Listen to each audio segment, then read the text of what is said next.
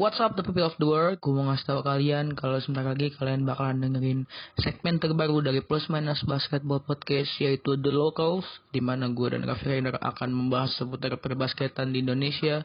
So siapin cemilan dan dengerin terus kami sampai selesai. Cheers.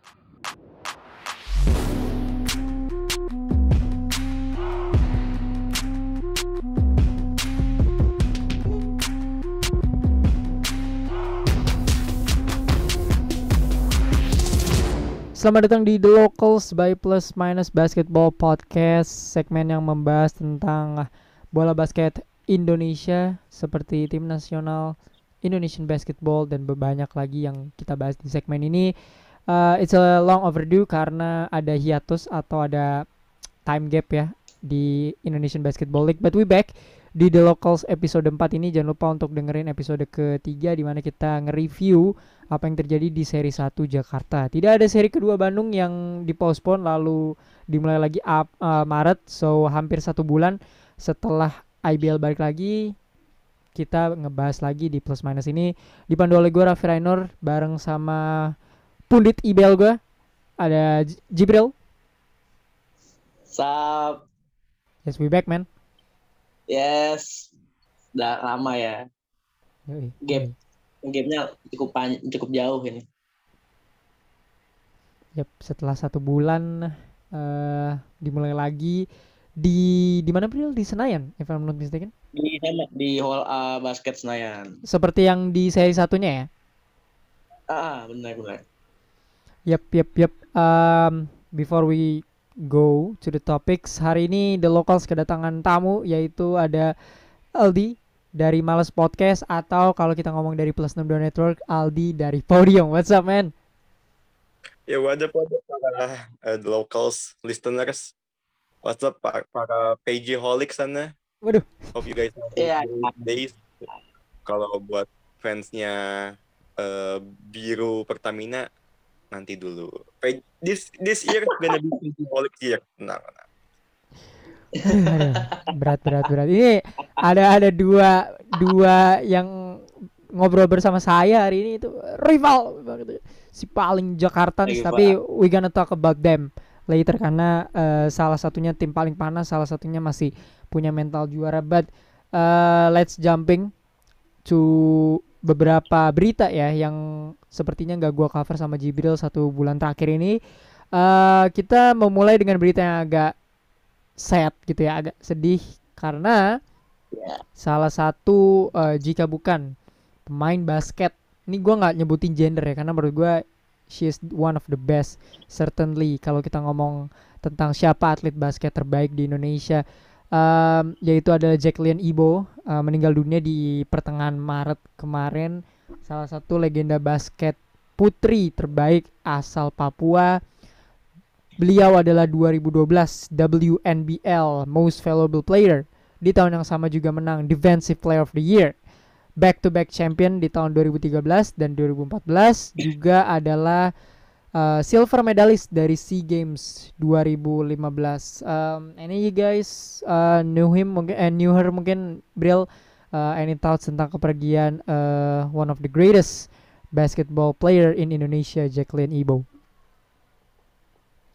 Eh, gue udah pernah ngikutin beritanya beliau dari tahun lalu ya waktu masih sakit kalau nggak salah. Cuma karena emang gue nggak terlalu ngikutin basket Sri Kandi, jadi gue nggak eh, paham tentang eh, perjalanannya Jacqueline Ibo ya. Tapi eh, tetap gue juga turut berduka cita seperti kita kehilangan pemain basket, main basket legenda yang lain lah, Kobe Bryant.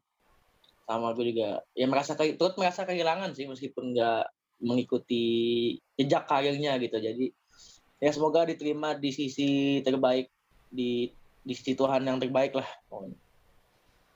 Yep, yep, yep. Certainly. Sekali lagi gue bilang one of the best basketball players out there. So rest in peace untuk um, salah satu pemain terbaik di Indonesia, Jacqueline Ibo.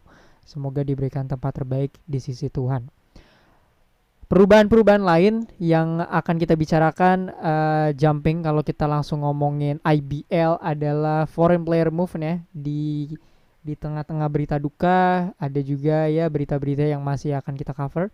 Uh, foreign player movement ini banyak banget pemain asing yang bergerak ya setelah kemarin di postpone ada banyak pemain asing yang perubahan ini ya karena uh, kekhawatiran kasus naiknya Omicron walaupun di middle of March kemarin udah mulai uh, dicabut uh, PPKM level 3-nya yang gue juga nggak ngerti uh, apa efektivitasnya. Ada beberapa pergantian pemain asing di tim-tim besar ya. Contohnya di Satria Muda Uh, gue belum tahu pemain asing ini kontribusinya sebesar apa dibandingkan orang yang diganti tapi salah satu one of my favorites player di Satria Muda seri pertama kemarin William Tinsley digantiin sama Bracken Griffin di Dewa United ada Daryl Palmer digantikan sama ini salah satu langganan ya pemain asing langganan di uh, eh, IBL yaitu David Seegers di Prawira Bandung Brian Williams digantikan sama Valente Chris Sterling di Ranspik digantikan adalah Jalil Basit digantikan sama salah satu pemain yang akan kita bahas nanti uh, Akim Scott salah satu pemain yang cukup uh, rising pemain asing di uh, lanjutan IBL ini dan Pelita Jaya mengganti Kevin Bridgewaters dengan Demar Hill. Gue ke Aldi uh, mana pergantian pemain asing yang cukup buat perubahan untuk timnya masing-masing dari yang gue sebutin sebutin tadi gitu uh, uh, first of all kita harus tahu dulu pemain-pemain asing ini ketika datang ke Indonesia belum tentu semuanya akan bagus. Yep. Banyak dulu nama-nama yang bekas-bekas jilik bahkan ini deh kita aja kan masih inget kan pemain bekas Oregon itu ujung-ujungnya cuma bermain bentar doang di sini. Menurut gue yang paling mengejutkan itu ya tentu saja Akim Scott. Kenapa gue berani bilang Akim Scott paling mengejutkan? Karena kalau misalkan kita nonton uh, ABL ya uh, ASEAN Basketball League kalau lu masih inget zaman zaman jaya-jayanya saingan hit itu itu kan ada nama Akim Scott di sana dan perlu diingat Akim Scott ini juga udah 38 tahun dan masih kenceng kayak begitu I think menurut gue yang paling berbahaya dari pergantian yang udah disebutin sama Ray tadi menurut gue Akim Scott sih karena dia ketika main di Indonesia kayak nggak perlu ini lagi nggak perlu apa adaptasi lagi udah cocok aja. Sama cuacanya sama courtnya sama fansnya with the team juga. So I think Ranspik berhasil ini sih mengganti uh, si Abdul Basit dengan Hakim yep, yep, yep. benar rising banget ya Rans uh, pick basketball ini dengan kedatangan Hakim Scott um, I forget the average numbernya but it's it's good okay. kan semenjak ada Scott bukan pick lagi tapi udah pick yang ini yang pakai P E A K iya wih run speak bukan run speak ya uh, siap siap siap pun intended bro uh, who do you think yang yeah. improving dari perubahan pemain muda eh pemain muda atau pemain asing di IBL ini? Uh, ya, gue ini sih apa ya agak sedih aja karena Pelita Jaya harus mengganti Kevin Bridgewater ya karena sepakat ya, sepakat kayaknya kayaknya kasihan aja gitu. Udah gitu pemain asingnya kayak nggak nggak nggak tahu di Marvel ini siapa. Kayaknya gue juga nggak tahu apa dia pernah main di IBL sebelumnya atau enggak kayak David Seegers itu kan pernah main di IBL dulu ya di uh, eh, CLS Knights kalau nggak salah waktu sama Mario Wusang yang kalah di final IBL 2016 sama PJ kalau nggak salah ya.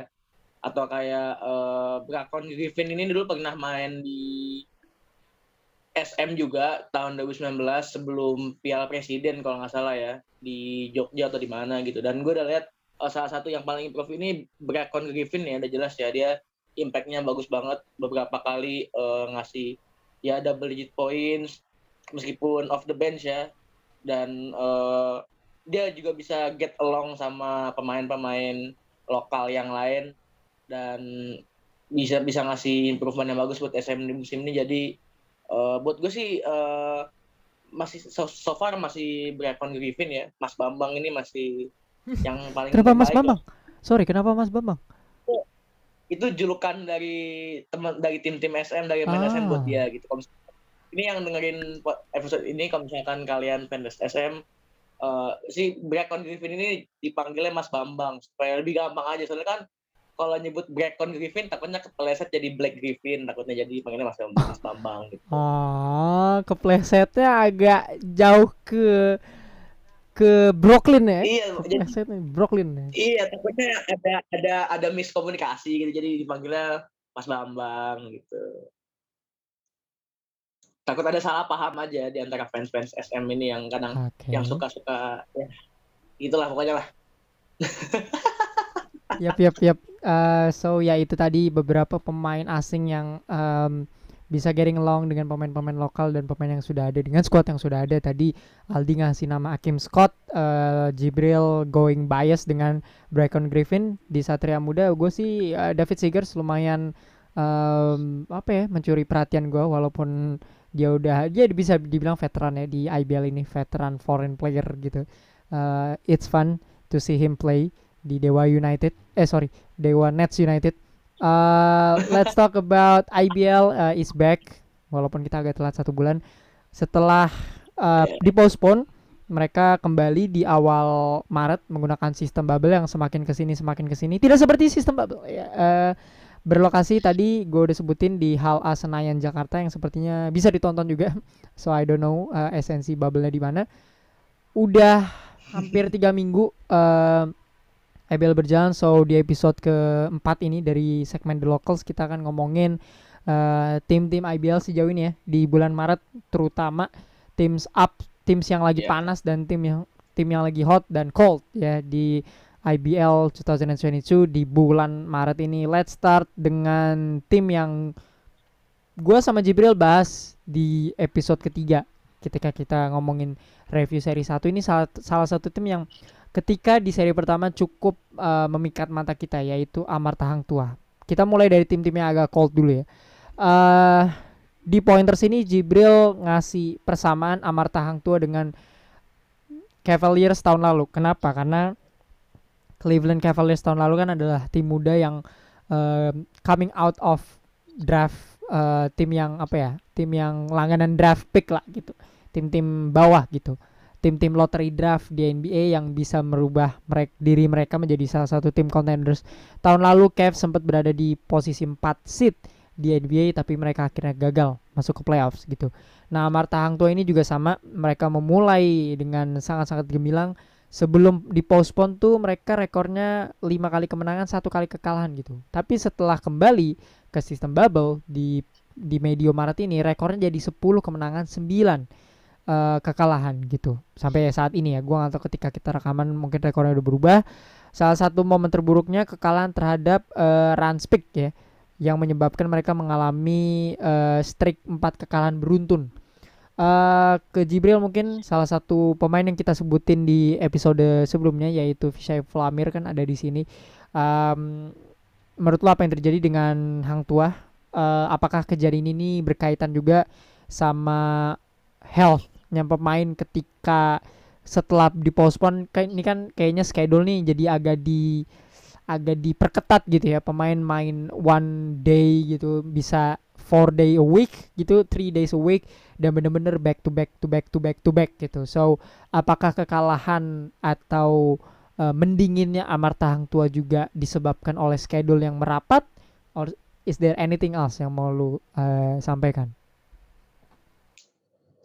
Eh eh, men- menurut gue sih eh, Hang Tuah ini masih lagi jumawa ya atau nggak tahu gimana jadi kalah beruntun. Gue juga eh gue juga nggak terlalu merhatiin gamenya Hang Tuah ya tapi yang pasti eh Saiful Amir cukup menurun ya dan eh Q Cotton juga kayak kurang kurang rapi lah mainnya. Kayak yang biasa yang dulu pernah lu bilang di episode 3 ya ya Hang Tuah ini kan mainnya cukup kolektif rapi banget ya dan nggak dirasa kerusuk sana sini lah maksudnya lebih oke nyari poin pasti aja. Tapi sekarang kayak agak berantakan kalah kekalahan beruntun empat kali itu kan menunjukkan kalau tim ini lagi nggak baik-baik aja gitu ya. Jadi gue juga nggak bisa eh, terlalu banyak membela gitu karena gue juga bukan fans Hang Tua. Tapi ya ya, me- me- mereka harus se- secepatnya mem- memikirkan bagaimana cara untuk meraih kemenangan lah. Karena eh, cuma tersisa lima game lagi sampai ke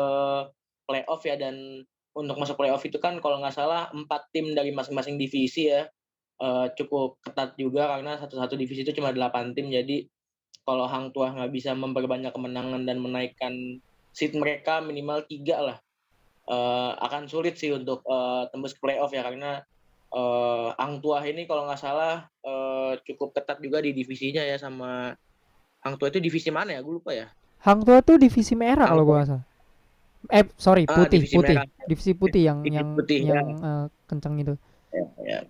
Mereka, tuh sempat di atas Ranspik sama Dewa, sekarang mereka jadi turun peringkat 6 ya dan uh, mereka harus figure it out gimana caranya untuk bisa mengalahkan rekornya Ranspik sama Dewa ya kalau karena sekarang kalau misalkan mereka nggak bisa ngasih kemenangan di ya minimal empat kemenangan dari lima game terakhir lah di season di regular season 2020 ini kalau misalkan mereka nggak bisa ya mereka nggak akan bisa masuk playoff gitu.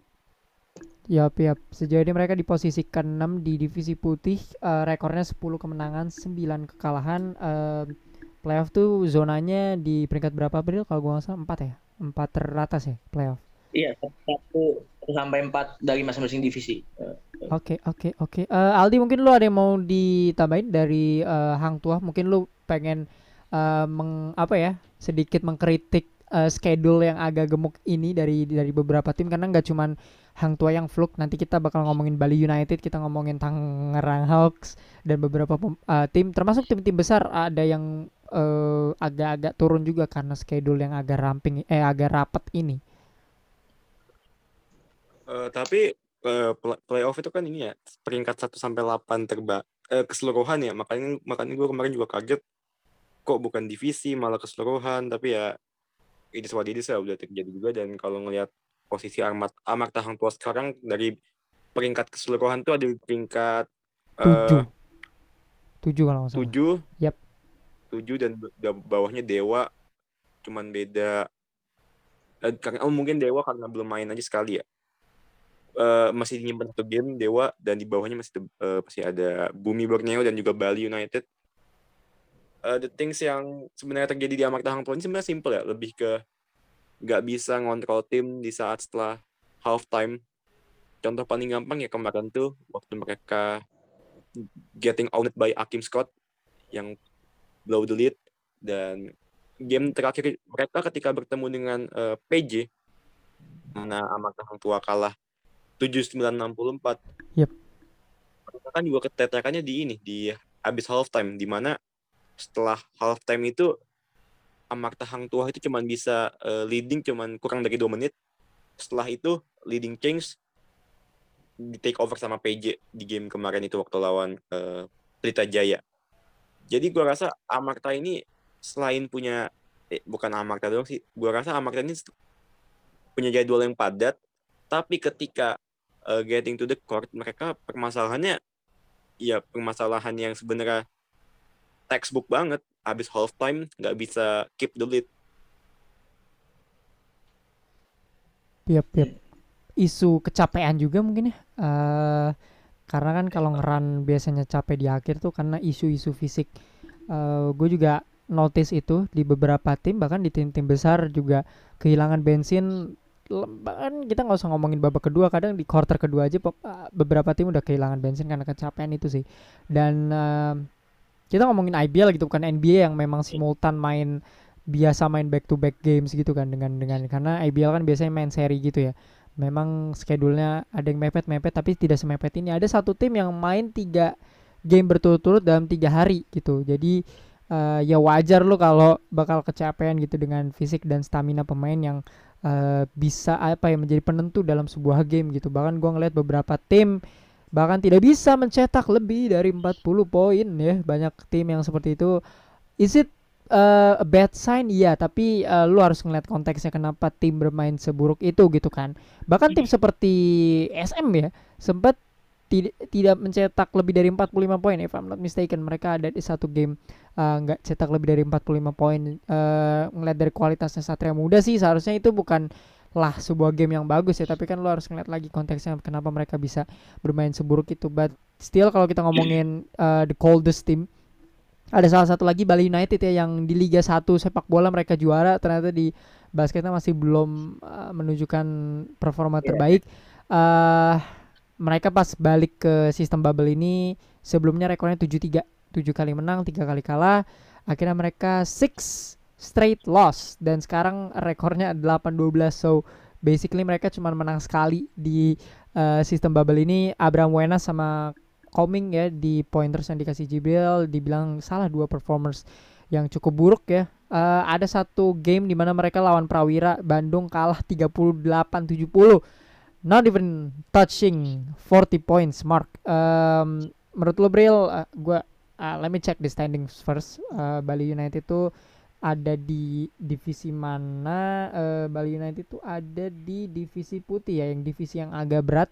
Mereka nih udah out of playoff zone kayaknya karena tertinggal sekitar satu setengah dari peringkat ke-8 yaitu Pacific Caesar Surabaya. Uh, can they bounce back kembali ke playoff mengingat masih ada beberapa games left dan kita di Aldi bilang disclaimer juga ternyata IBL ini ngambil keseluruhan standings bukan seperti NBA yang re hmm. respective conference gitu ternyata 8 tim dari each eh, dari dua gabungan divisi yang melaju ke playoff. So can they bounce back kembali ke performa mereka di seri 1 dan kenapa lu bilang Abraham Wenas dan Coming sebagai two of the worst performance di tim Bali United? Uh, ini sebelumnya ini emang emang uh, delapan tim terbaik dari keseluruhan ya, bukan empat tim terbaik dari masing-masing divisi ya untuk playoff ya. Karena yes, tau gue kan gitu divisinya itu masih dibagi-bagi apa? Kayaknya kayak gitu ya. Oh ini ini kayaknya untung di divisi putih ya karena divisi iya, putih divisi putih ini tujuh uh, sorry ya, uh, di divisi putih ini enam tim winning records. Enam tim dari delapan winning records sementara di red ah, division cuma dua tim yang winning records sisanya losing record semua. Ini kayaknya jadi keuntungan buat divisi putih ya tapi uh, mengingat bagaimana Bali United ini kan gue udah pernah bilang ya di awal musim uh, Bali United ini kedatangan Abraham Wenas. Dan gue berharap bisa ngelihat duo Wenas main di Bali United bersama Abraham Wenas dan juga Daniel Wenas. Tapi Daniel Wenas lebih milih lebih milih main di Evos ya.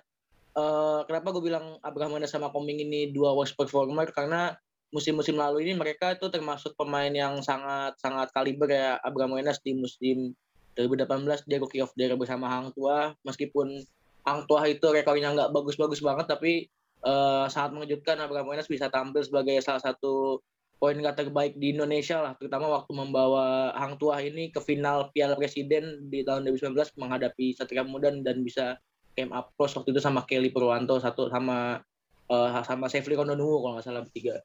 Tapi sekarang di Bali United justru malah menurun banget ya kalau nggak salah. Dan uh, termasuk juga Koming yang musim lalu uh, masuk nominasi MVP dan juga Defensive Player of the Year salah satu pemain yang cukup senior, lebih senior daripada Akri Wisnu ya dari umurnya. Sepantaran kira-kira uh, Kelly Purwanto lah, hampir hampir sama lah sama Kelly Purwanto umurnya. Tapi di musim ini justru malah turun-turun banget dan ya kalau dari stats pun kaca begitu anjir. Musim lalu dia bisa double digit points per game tapi sekarang cuma 5 atau 6 points per game kalau nggak salah dan Bali United ini nggak mengandalkan Coming sebagai uh, post player yang biasanya kalau di musim lalu tuh dia main post mulu atau main uh, mid mid range shoot tapi sekarang malah mengandalkan Rico Aditya yang ya Rico Aditya pengalaman di profesionalnya masih kurang lah menurut gue jadi kenapa Bali United bisa uh, tujuh, sempat 7-3 tapi sekarang jadi 8-12 itu ya karena kesalahan manajemen dari tim sih menurut gue. Yep, yep, it's tough uh, untuk Bali United. Walau mereka ya yeah, certainly not the worst team so far gitu ya. Tapi uh, di bubble ini mereka jelas tidak menunjukkan uh, sisi terbaiknya mereka gitu. Uh, cuman menang sekali di uh, dalam ya yeah, effectively 10 game di bulan Maret. So uh, it's tough for them ya. 8-12 rekor dari 7-3 di seri pertama. Uh, kita geser juga ke tim yang cukup buruk not the worst team ya. Gue gue bisa disclaimer ini karena mereka bukan dua tim terburuk lah secara record wise di IBL. But Tangerang Hawks uh, di awal mereka cukup mediocre, not the worst team tapi kalau nggak salah uh, sebelum kita rekaman mereka ini sempat se menderita 11 kekalahan beruntun dan sekarang rekornya 5 win to 15 loss uh, Danny Ray dan Rizky Effendi yang sempat bersinar di awal musim dan masuk ke dalam IBL seri 1 Team of the Series. Wow, gue baru tahu ini. Uh, menunjukkan bahwa mereka adalah the biggest flux so far. Uh, di um, apa yang harus dilakukan oleh Hawks? Mengingat di seri pertama mereka surprisingly not that bad ya, tapi setelah dilihat lagi well terlihat uh, tim yang bisa dibilang debutan dan tidak memiliki superstar yang begitu banyak. Uh, so many blowout loss di bubble ini termasuk mereka kalah uh, kalau kita ngomong barusan uh, lawan Indonesia Patriots di mana yes saya Saudale mencetak 18 poin. Mereka juga kalah double digit lawan uh, lawan uh, uh, uh, West Bandits. Ka menang baru menang tipis lagi ngelawan Satya Wacana yang peringkatnya di bawah mereka blowout loss against Satria Muda by 33 uh, so what should Hawks do untuk memperbaiki uh, for mungkin gue bisa bilang gaining that momentum lagi yang mereka dapetin di seri satu lah at least. Uh, buat gaining momentum yang ada di seri satu gue rasa udah sulit ya dengan uh, Tangerang Hawks nih sisa dua game lagi. Dan lawannya gue rasa bukan lawan-lawan mudah tinggal tinggal lawan Bumi Borneo dan lawan SM gue rasa juga bakal kena blowout lagi dua game. Tapi one things yang gue from uh, Tangerang House mereka itu start of the season uh, shocking the league ngalahin Bali United juga di Jakarta Series. Dan lu kalau masih ingat uh, kemenangan Tangerang House ini apa ya terlalu membuat jantung lu nggak sehat itu kemenangan terakhir mereka itu waktu lawan Satya Wacana cuma beda satu poin beda satu poin tujuh dua tujuh satu betul para orang Tangerang ya lu kalau mau ngeliat tim lu menang pasti jantungnya nggak sehat. Tapi uh, terlepas itu ya ya ini eh, fun fact about uh, Tangerang Hawks wins ya. Mereka itu setiap kali wins nggak pernah yang namanya menang uh, defisit uh, defisitnya lebih dari 10 poin. Mm. Uh, kemenangan terbesar mereka itu ya waktu lawan Indonesian Patriots tanggal 14 kemarin 52-43. Jadi mereka ini nggak nggak pernah namanya menang yang benar-benar apa ya menang blowout. Dan yeah, kekalahan yeah. kekalahan terbesar mereka itu lawan NSH uh, eh, waktu bubble game pertama 7837 things yang harusnya Hawks fix buat this season adalah gimana caranya tinggal mainin aja tuh sisa-sisa sisa-sisa pemain pemain lu entah yang namanya mereka mereka ini kan ini kalau gua nggak salah dapat first first round pick ya musim ini ya. Iya, yang sepertinya tidak uh, begitu diutilize dengan baik yeah. ya, uh, Noval Mahadi. Udah gitu, first pick itu lu kampus kita lagi, oke. Okay. Yep. Ya, ya, ya itu gue gue kaget kok first round pick nggak ada kelihatan. Tapi uh, terlepas dari itu, Tenggang Hawks ini gue rasa di sisa game ini hanya tinggal menurut gue ya udah manfaatin aja pemain-pemain muda lu ngasih mereka jam terbang entah yang nam orang mereka punya first round pick kok masa nggak bisa dimanfaatkan dengan baik Lagian gue juga pede kok dengan uh, kapasitas uh, coaching uh, coaching staff mereka untuk mengolah para pemain-pemain muda ini betul, betul. dan gue ini juga ngelihat ini ya uh, mungkin Hawks ini terlalu orang ini terlalu ini terlalu, ketika di awal musim terlalu wah Tangerang Hawks bakal jadi dark horse bakal jadi dark horse kan ada lu kalau masih inget di awal Mario Gerungan comeback ke situ yang ujung-ujung nggak main sama sekali. Benar, benar, benar. Rizky Effendi uh, mantan juara with step up cuman bagus di Jakarta Series.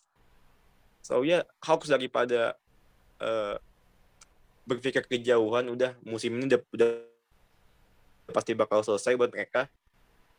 Tinggal manfaatnya pemain-pemain muda mereka entah yang namanya tadi itu first round pick-nya mereka dan buat next season menurut gue harus mulai harus di, diratain sih squadnya nggak bisa lagi terlalu nggak bisa terlalu muda nggak bisa terlalu tua tapi uh, make it rata dan ini ya nyari pemain asingnya juga harus pinter-pinter ya jangan melihat karena man, apa anaknya pemain NBA dia boleh Yep, exactly. Harus exactly. mulai pinter lagi dalam mencari pemain asing karena nggak bisa lagi. Betul betul. Front office juga harus tahu lah pemain-pemain mana yang um, untuk melengkapi puzzle-puzzle pemain lokal yang udah mereka dapetin ya. Uh, khususnya kalau kita ngomongin pemain asing uh, Adam Drexler basically did less than what we could expect about him. Tapi ya, it is what it is yang terjadi ya. Uh, Tangerang Hawks masih uh, certainly five worst team di IBL sejauh ini so we cannot expect much about them 11 kekalahan beruntun ini jadi PR yang cukup uh, berat untuk mereka heading to the next season. Tapi pasti mereka akan mendapatkan ini ya, akan mendapatkan uh, ya projected top 5 uh, pick yang sebenarnya tidak berpengaruh-pengaruh amat kalau di IBL. Let's move on ke uh, the best team in the IBL. Uh, Pelita Jaya, Bakri ya. Tapi on fire sejauh ini menjadi tim dengan best record so far. Best records artinya ya best records in the league gitu ya. 18 wins, 2 loss. Uh, dua kekalahannya happens against Prawira ya. Uh, dua dua kekalahan PJ ini terjadi ngelawan Prawira. Uh, front runner jelas favorit juara di IBL musim ini. Uh, banyak yang quote atau ngedap uh, Reggie Mononimbar sebagai uh, eh, MVP contender di musim ini gitu. Uh, set setelah performanya yang cukup strong. Dan will this trend continue di uh, karena musim lalu mereka terbukti cuma satu kali kekalahan di regular season tapi ya kalah lagi sama uh, oknum tersebut yang kita tahu siapa mereka. But in the end of the of the regular season ini tinggal sisa dua lagi. Gue cukup terkejut uh, apakah PJ akan selesai dengan dua kekalahan aja and momentum going forwardnya akan seperti apa untuk Pelita Jaya? Uh, PJ ini one of the best team in the league right now karena mereka merupakan salah satu dari tiga tim yang berhasil menang dengan hanya mencatatkan satu kali three point dalam satu sebuah game. Tinggal lawan Dewa, lawan dan lawan NSH yang di mana kayaknya oke okay lah, kayaknya lebih sulit lawan NSH daripada lawan Dewa karena NSH coaching staffnya nggak nggak ada obat but gua rasa Pelita Jaya ini buat musim ini ya having a best local squad sih ketimbang tim-tim lain entah. Gua ngejelekin SM dengan ini ya dengan kualitas pemain lokal saya tapi PJ ini kalau dilihat yang entah yang namanya dari pemain muda sampai yang ya veterannya ini bagus-bagus semua dan kita perlu ingat di playoff nanti ya saya will be back don't don't sleep on that guy so yeah I think Pelita Jaya nggak usah terlalu effort-effort banget juga pasti juara musim ini. Mereka ini tim ter, tim terbaik lah musim ini dengan kapasitas squadnya. Jadi gua rasa kemarin tuh ganti uh, Bridgewater juga kalau misalkan musim eh kalau misalkan kemarin Bridgewater pun nggak ada penggantinya cuma ngandelin Dior pun juga udah udah pasti juara. Jadi ya ah PJ this season gonna be PJ season start the fire. Ya.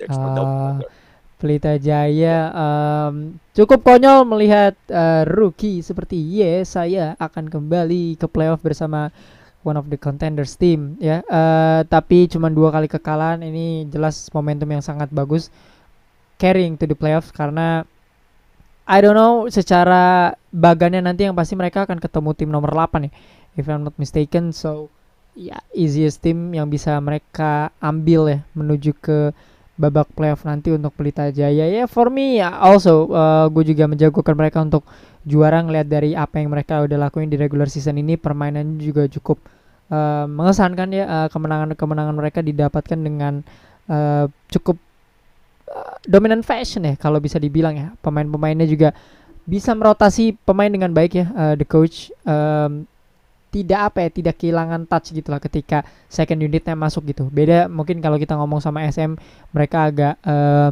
kesulitan ketika second unit masuk atau mungkin sebaliknya.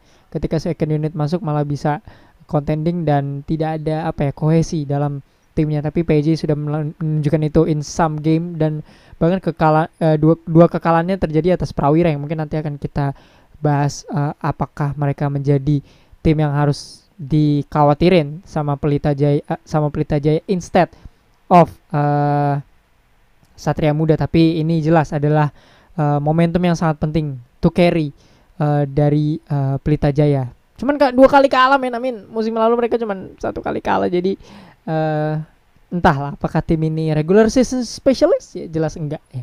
Tapi kita lihat. Tadi Aldi bilang uh, Yesaya Saudele yang barusan cetak 18 poin the rookie privilege bisa uh, kembali lagi untuk ke playoff bersama mereka. Uh, despite Indonesian Patriots masih ada di playoff picture ya, tapi kan kita tahu kalau Indonesian Patriots nggak masuk ke uh, playoff eventually. So they will back. Siapa lagi ya? Uh, Arigi itu masih di PJ atau dia dipindahin juga ke Indonesia Patriots? Dia di PJ kan ya? Oke, okay, so orang yang akan balik cuman Yesaya karena dia sempat pemulihan cedera kan ya dia dia pindahin ke Patriots mainnya nggak kayak orang cedera mohon maaf uh, lain kali nih. Direktur-direktur IBL tolong lah kalau pemain-pemain hebat kayak gini jadi masukin ke contender dong. Tolong banget ya. Kasihan tim-tim yang uh, semenjana nggak dapat pemain-pemain muda terbaik ini udah kita repeat-repeat lagi dalam tiga episode ber berturut-turut. Kenapa di? Kenapa di? Manansang gak Fernando Manansang tuh nggak boleh dilupakan juga. Fernando iya. Arigi ya saya. Iya. The best youngster in Indonesia right now iya dan mereka berada dalam dalam satu tim ya uh, ini agak agak-agak was-was ya tapi nanti gua akan uh, tanya ke Jibril soal uh, Satria Muda Pertamina ya tim ini nemesis utamanya Pelita Jaya yang tadi kita udah bilang sempat mengalami dua kekalahan di awal musim dan satu kekalahan pahit melawan Indonesia Patriots. Ini lawan Indonesia Patriots yang nggak lebih dari 45 poin itu ya, Briel? Uh, iya kalau nggak salah yang field goal persennya itu cuma 26 persen kalau nggak salah satu yang muda itu timnya. Gimana sih Jaro bertahan?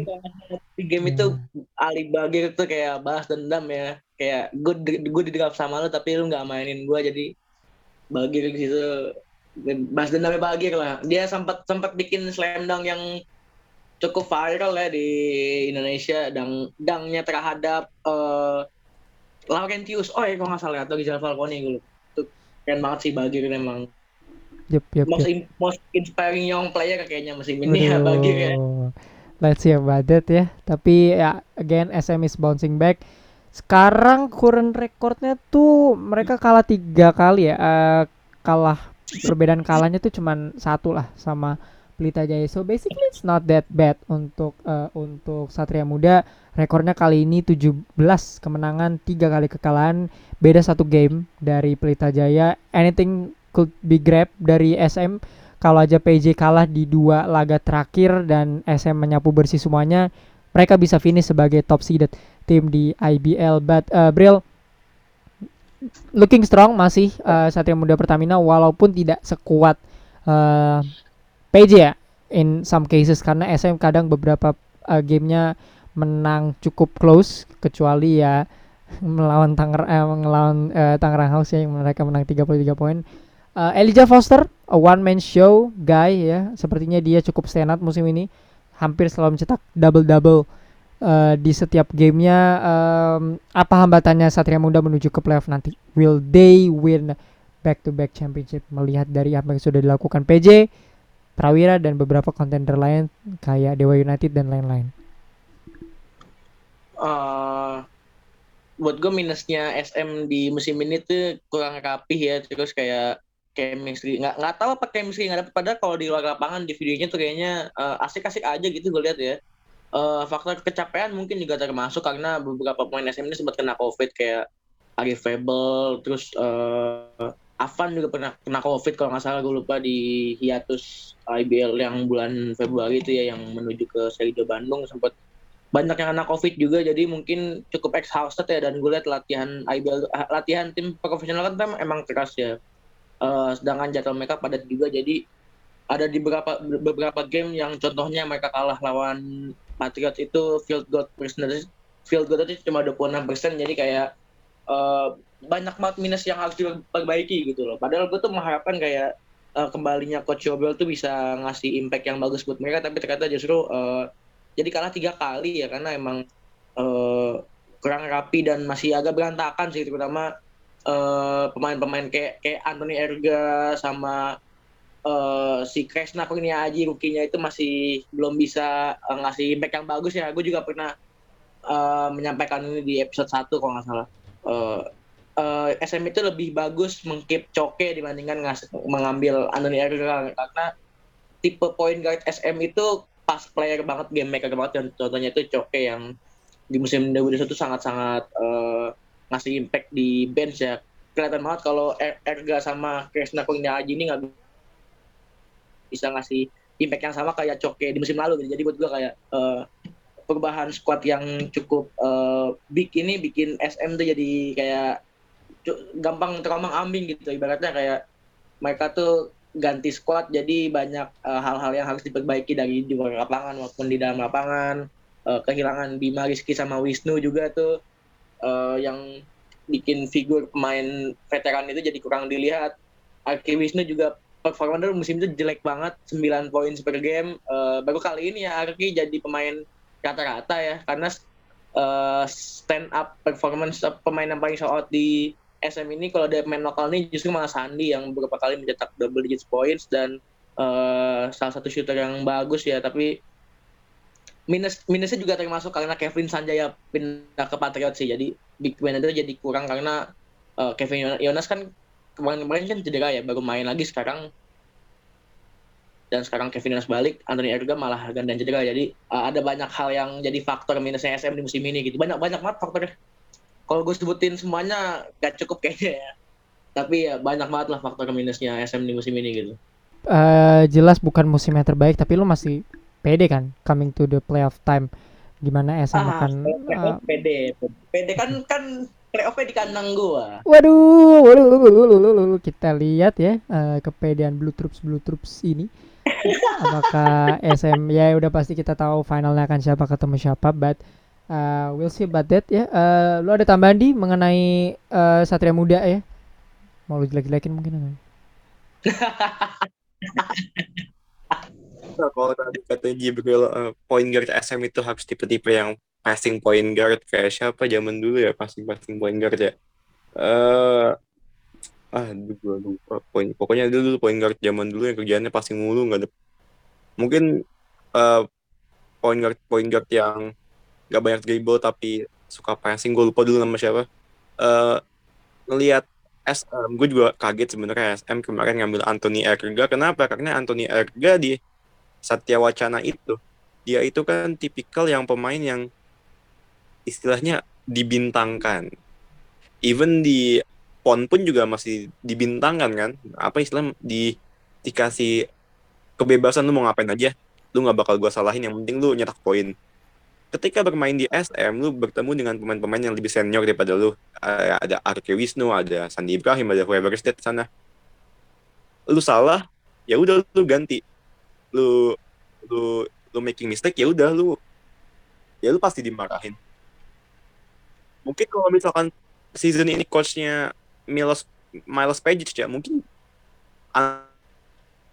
Anthony Erga bisa dapat peran yang berbeda tapi kan musim ini Yubel Sonda Yubel gue nggak ini gue nggak bilang Yubel Sonda ini uh, di bawahnya Miles Pagic ya. Kayaknya kalau gue ngomong itu kayaknya jelek banget bahasanya.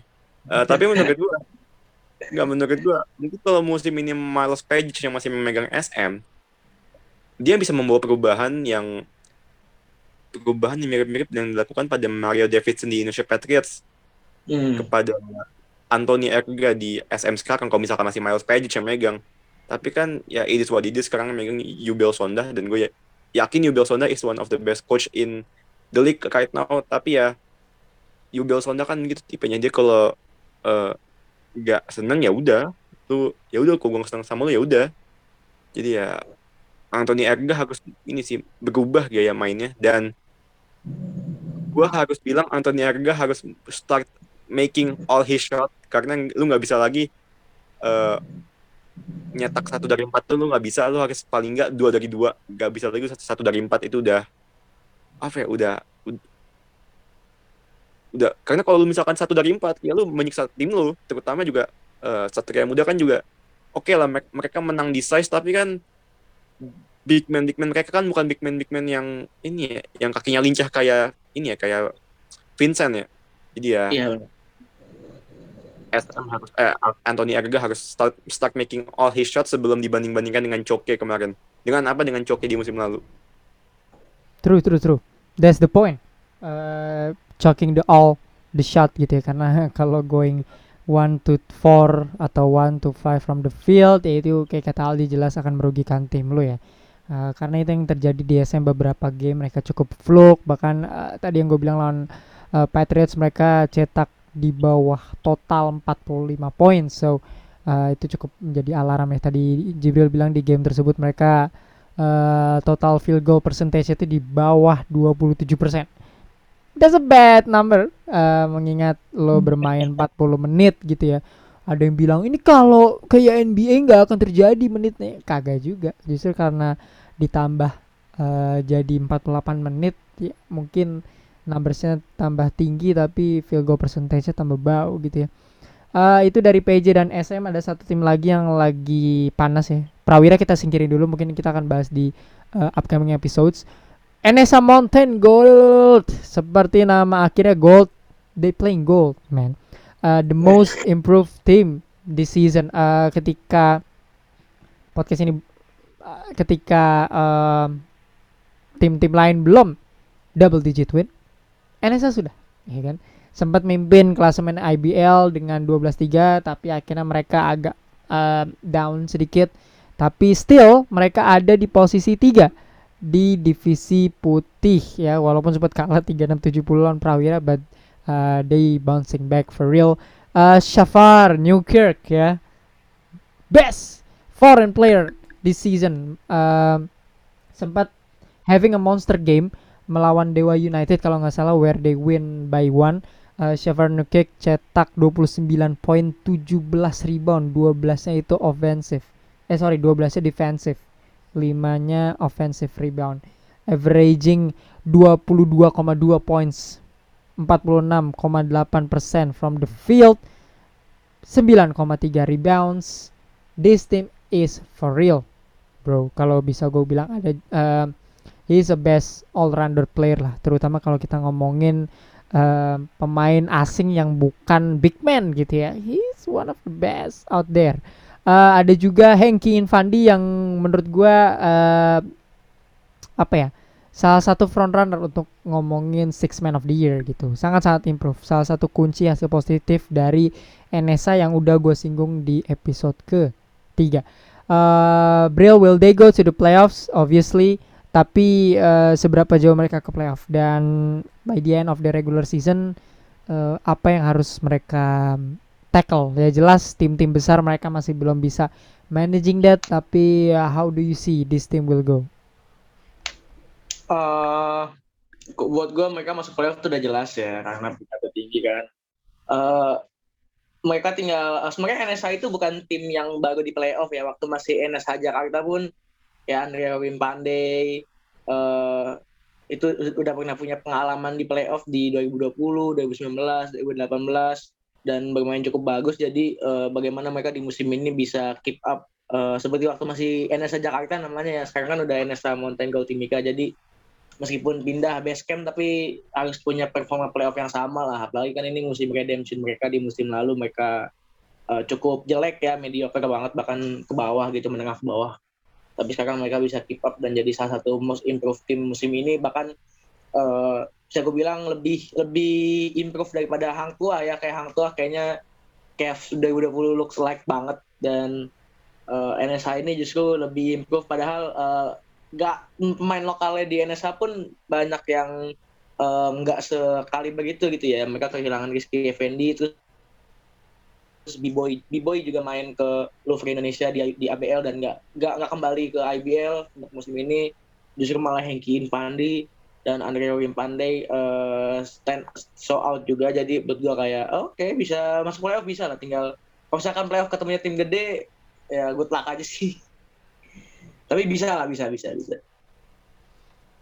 Ya, yeah, uh, that's the thing. Mereka masih kesulitan untuk melawan tim-tim besar. Even mereka sempat kalah sama Bali United uh, recently. Bali United, bro.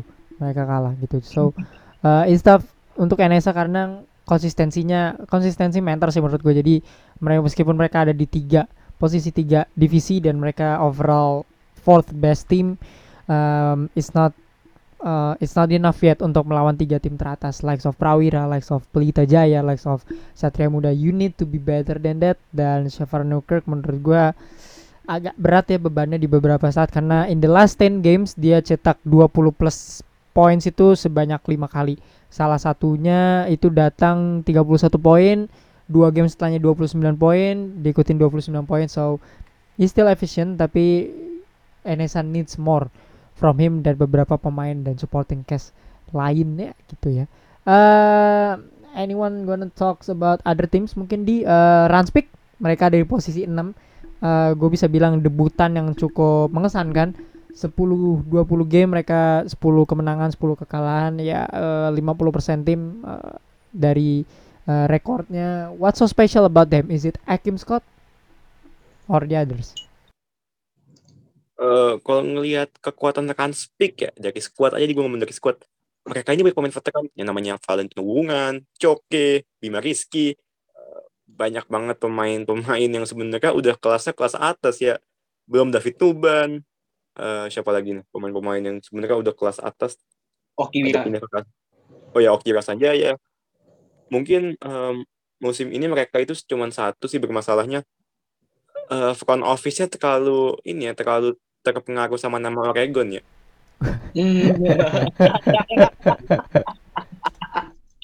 Aduh, ini susah nih kalau udah bahas ini nih. Uh, maksud gue juga pemain-pemain Oregon juga nggak semuanya bagus kan. Maksud gue pemain Oregon yang di NBA juga siapa sih? Kevin Love, uh, the Ime Udoka, Demon. Iya. Yeah. Kan pemain-pemain yang gimana-gimana banget dari Oregon jadi ya menurut gue pelajaran juga buat front office di musim depan mending lu ngambil pemain yang udah beneran uh, jadi di luar sana kayak Akim Scott no dia kan emang udah hafal banget main di ABL dan one thing yang menurut gue membuat perubahan juga ke Kanspik itu adalah ketika mereka uh, di off season karena covid itu yang sebelum bubble mereka ngambil ini asisten pelatih dari mantan amak tahang tua siapa gitu namanya yang pelatih yang tua itu? Uh, Coach Rastafari. Ya Coach Rastafari yang udah pengalamannya banyak banget. Jadi sangat membantu Ranspik dalam menghadapi bubble ini dan gue rasa oh playoff udah aman dan gue tinggal ini sih gue tinggal menunggu sejauh mana mereka di playoff di bulan Agustus nanti. Gue berharap sih mereka nggak kehabisan hmm. gas ya karena kalau melihat gaya permainan mereka eh, mereka ini berasa one of the most tired team in the league karena mereka lebih banyak lari dan Akim Scott ini tipe permainannya always fast break fast break eh, fast break. Lu ketika Akim Scott ngedrive lu nggak bakal bisa lagi ngejaga dia udah pasti N1 so ya yeah, everyone have to put their eyes on Ranspik karena mereka salah satu tim terkencang di IBL dan fun fact about Akim Scott again dia ini merupakan pemain dengan uh, jumlah N1 terbanyak di IBL di season. Waduh, Joel Embiid-nya IBL ya? Waduh. Joel Embiid apa James Harden nih? Joel Embiid sih karena kan posisinya di top of the key ya. Oke, okay. okay. interesting facts, interesting facts. Most N1 ya in the league? Ya. Oke, okay, oke. Okay. Kebantu free throw dikit.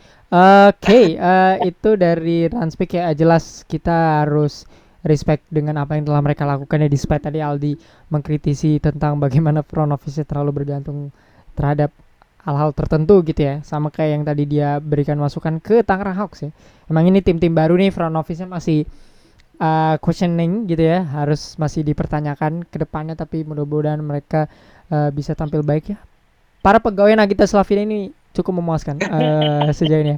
Overall six in the standings ya. Playoff loh di tahun pertamanya. Respect ya. Run speak bukan PIK tapi PEAK ya. Pick ya, ya tahun depan tur turun lagi.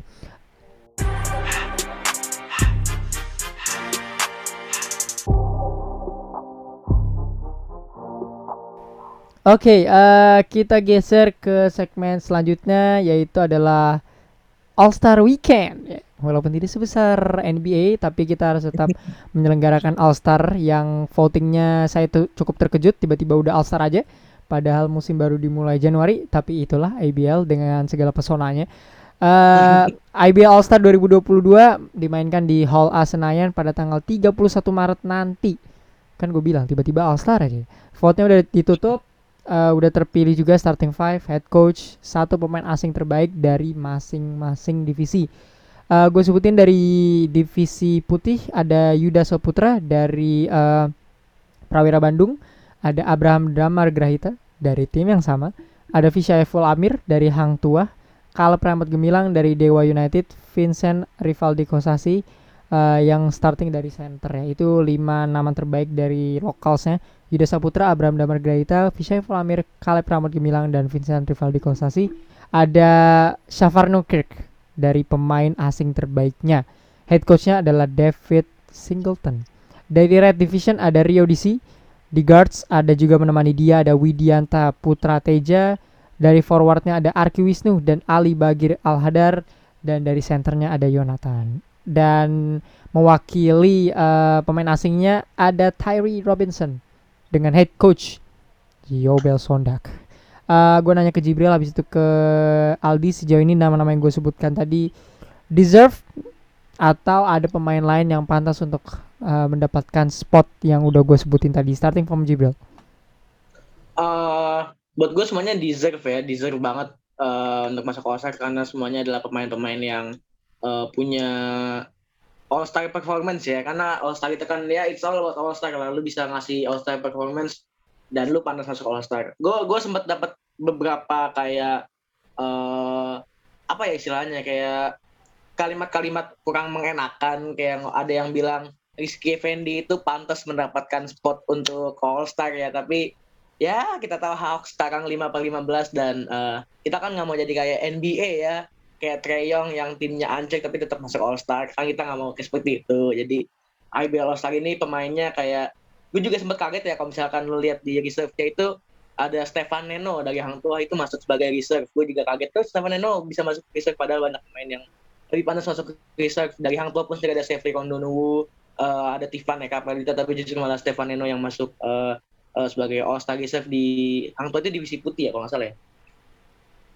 Ya. Jadi buat gue kayak uh, kalau untuk All Star ini semuanya deserve ya. Gue cukup sedikit kaget karena uh, Mario Davidson gue gue sempat menjagokan Mario Davidson karena dia masuk top 3 uh, eh, guard di voter banyak di guard divisi merah ya tapi ternyata Rio DC sama Widya Putra Teja lebih banyak yang memilih ya tapi saat untuk Mario Davidson meskipun nggak masuk All Star tapi uh, ya dia, dia bisa jadi point guard salah satu point guard yang cukup baik di masa depan lah dua atau tiga tahun lagi untuk Indonesia gitu.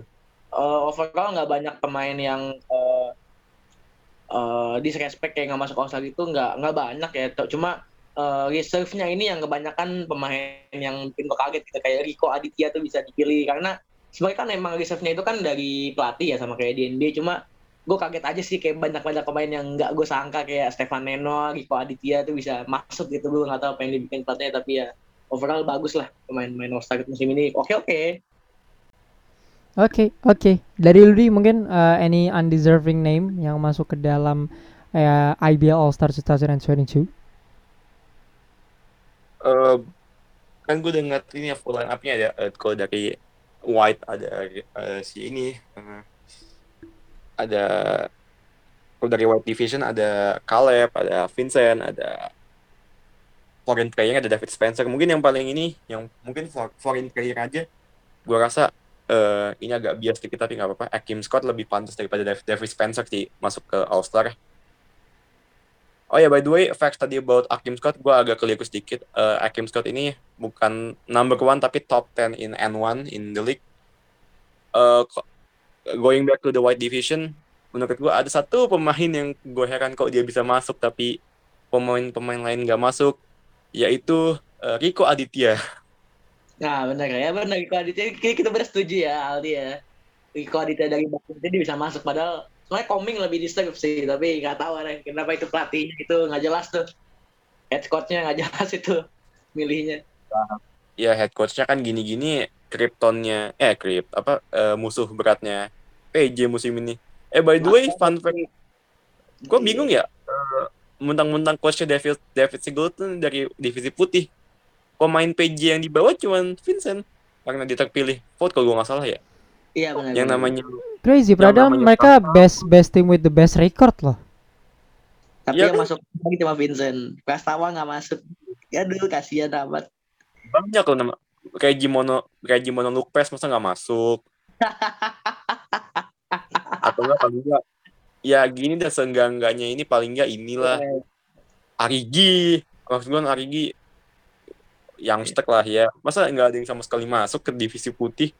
Yang masuk Bak nama kayak Aditya bahkan Dior Dior Lohol pun nggak masuk ya. Itu yang bikin gue kayak eh, ya mungkin David itu lebih suka big man-nya dia terus David Spencer. Jadi kayak ini kayaknya all banyak yang snap ya banyak banget kayaknya nih kalau kalau reserve mah karena ini banyak pilihan coach bukan? Kan nggak nggak semuanya vote ini banyak yang pilihan coach. Aduh, David, juga- David. itu juga pas vote gak bisa milih banyak kan cuman di pilihan tertentu doang kan? Iya benar benar. Aneh Nih, tapi agak sebelum lanjut, gue mau nanya sama Aldi dulu nih. Nanya nanya kecil aja sih ya, boleh ya. ya Kan kalau format di All Star 2020 itu kan eh, IBL Selection versus Indonesia Patriots ya. Kita tahu di Indonesia Patriots di 2020 tuh jagoannya semua lah, Ki Wisnu, Caleb, ada Prosper sama Jawato gitu. Sedangkan IBL Selection itu yang gue inget cuma Daniel Wenas doang kalau nggak salah. Sisanya gue lupa siapa aja. Menurut lu perbedaan dari format All Star musim lalu, eh musim 2020 sama musim 2022 ini yang bikin eh, coach itu jadi bingung nggak sih milih pemainnya gitu karena kelihatan banget banyak banget sebenarnya pemain yang deserve masuk All Star tapi reserve ya bukan starter banyak banget pemain yang deserve masuk All Star reserve tapi justru kayak tadi yang udah kita bilang Iko Aditya, Stefan Neno bahkan gue juga kaget Reza Guntara itu lebih dipilih dibandingkan eh ya Reggie Mononimber lah menurut lu gimana tuh? Eh, kalau kita ngomongin eh, IBL All Star 2020 ya yang lawan Patriots, eh gue rasa IBL 2020 juga agak bias ya All Star-nya karena masa mentang-mentang lu Patriots langsung auto masuk All Star semua itu kan juga agak bias walaupun I think that is one of the best All Star game ya on that weekend karena kalau gue nggak salah itu kan All Star terakhir sebelum pandemi COVID-19 ya. Iya benar benar benar. Tapi menurut gue All Star terbaik itu itu 2019 ketika kalau masih inget lu ya vote-nya harus download Pertamina apps dulu. Ah Tuh itu dia.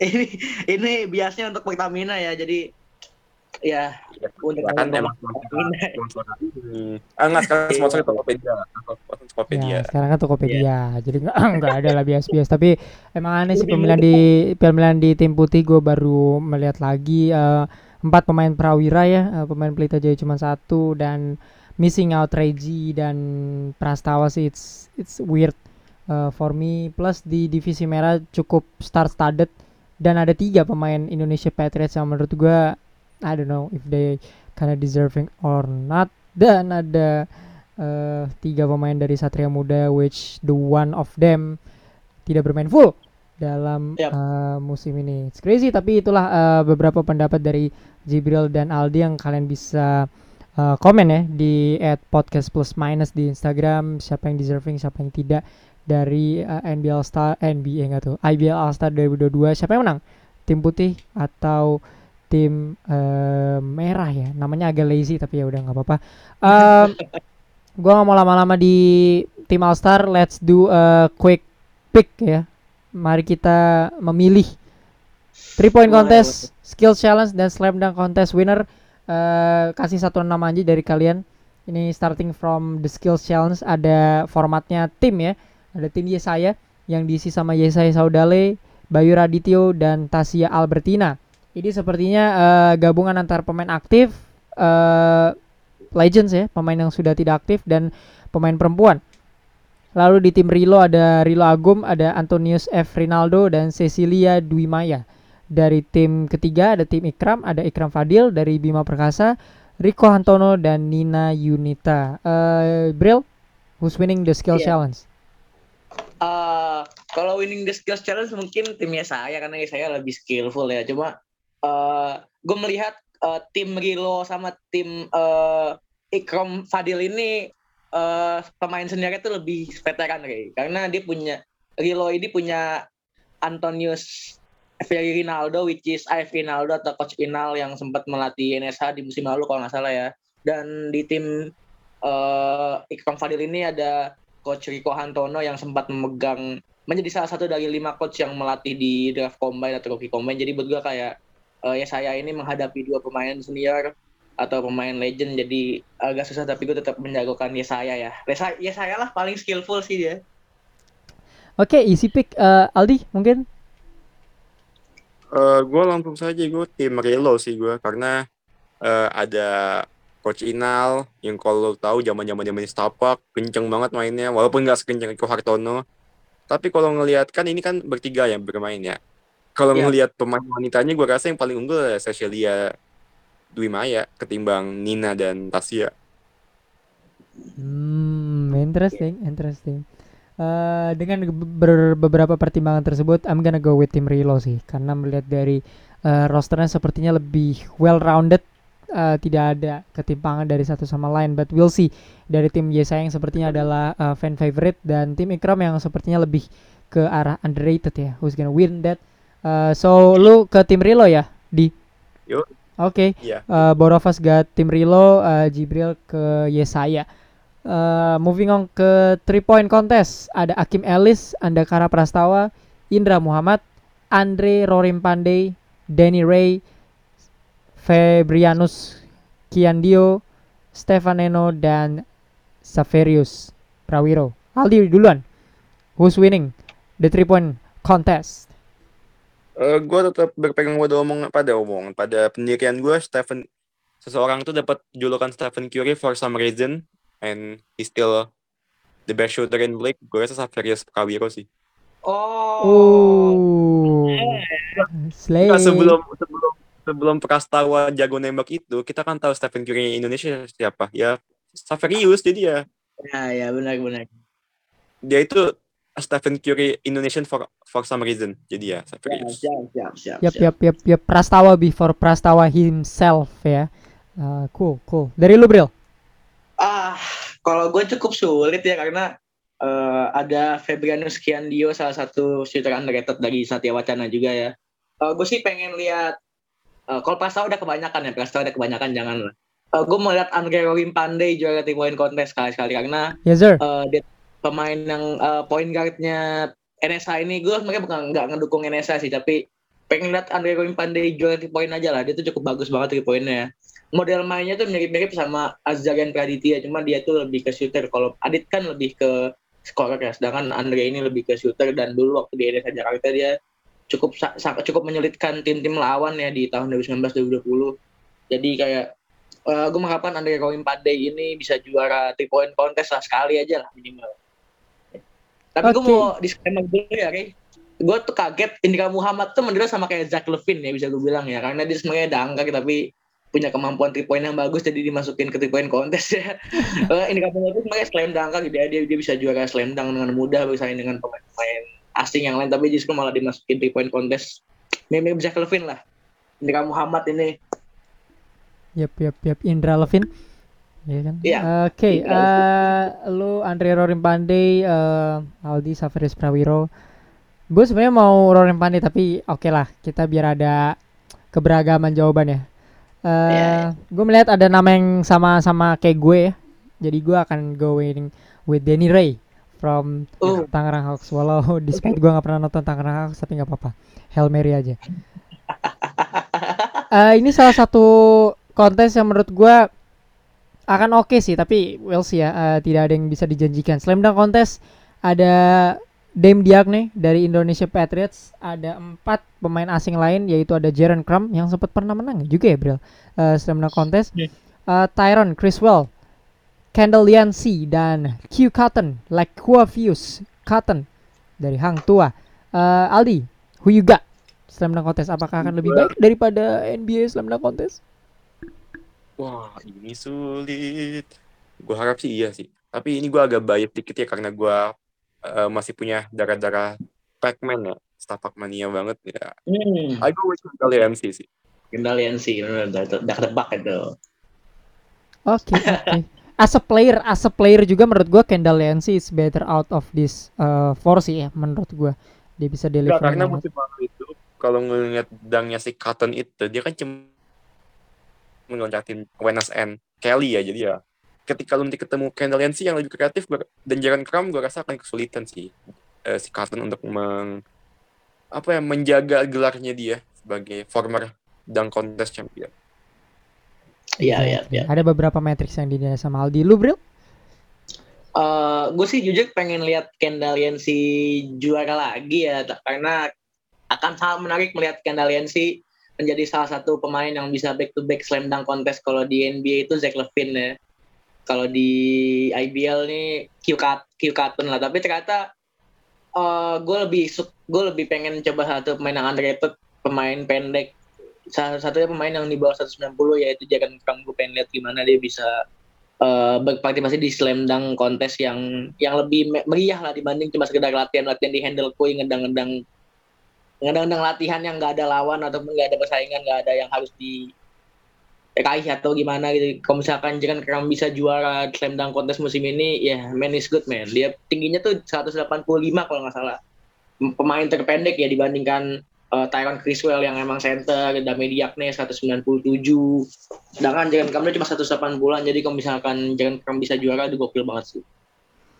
Oke oke, okay. uh, Kendall Yancy dari Aldi, Jaren Kram dari Jibril. Gue sebenarnya mau Jaren Kram juga, but Uh, Q Cotton uh, cukup menarik ya. Uh, dia juga datang dari tim yang bukan tim papan bawah, so ini akan menjadi motivasi untuk dia. Uh, menurut gue yang fisiknya cukup memadai juga adalah Q Cotton di samping Kendall DNC dan Tyron Criswell. I don't know with Dame, bro. Uh, kalau Dame Dola kan nembak, kalau Dame Diakne gue gak tahu nih. Tapi uh, looks like gue akan megang uh, Laquavius Cotton ya pemain dengan nama terkeren di IBL ya, Q Cotton. We'll see di tanggal 31 jangan lupa untuk nonton IBL Indonesia di video.com free lu nggak perlu langganan seperti NBA ya. Uh, gua gak tau Bril, kita lihat aja apakah bisa nonton di TKP apa enggak. We'll see about that. We'll keep it new an updates. Uh, thank you Aldi udah join di The Locals episode 4. Hope this is not the last uh, lu main di plus minus dan plus minus sekarang bisa didengerin di Roof Official dan RCTI TV atau RCTI Plus starting from the locals episode 4 dan season 4 episode 9 yang juga akan tayang di pekan yang sama. We'll see you guys in the next episode. Stay healthy dan semoga tim merah kalah.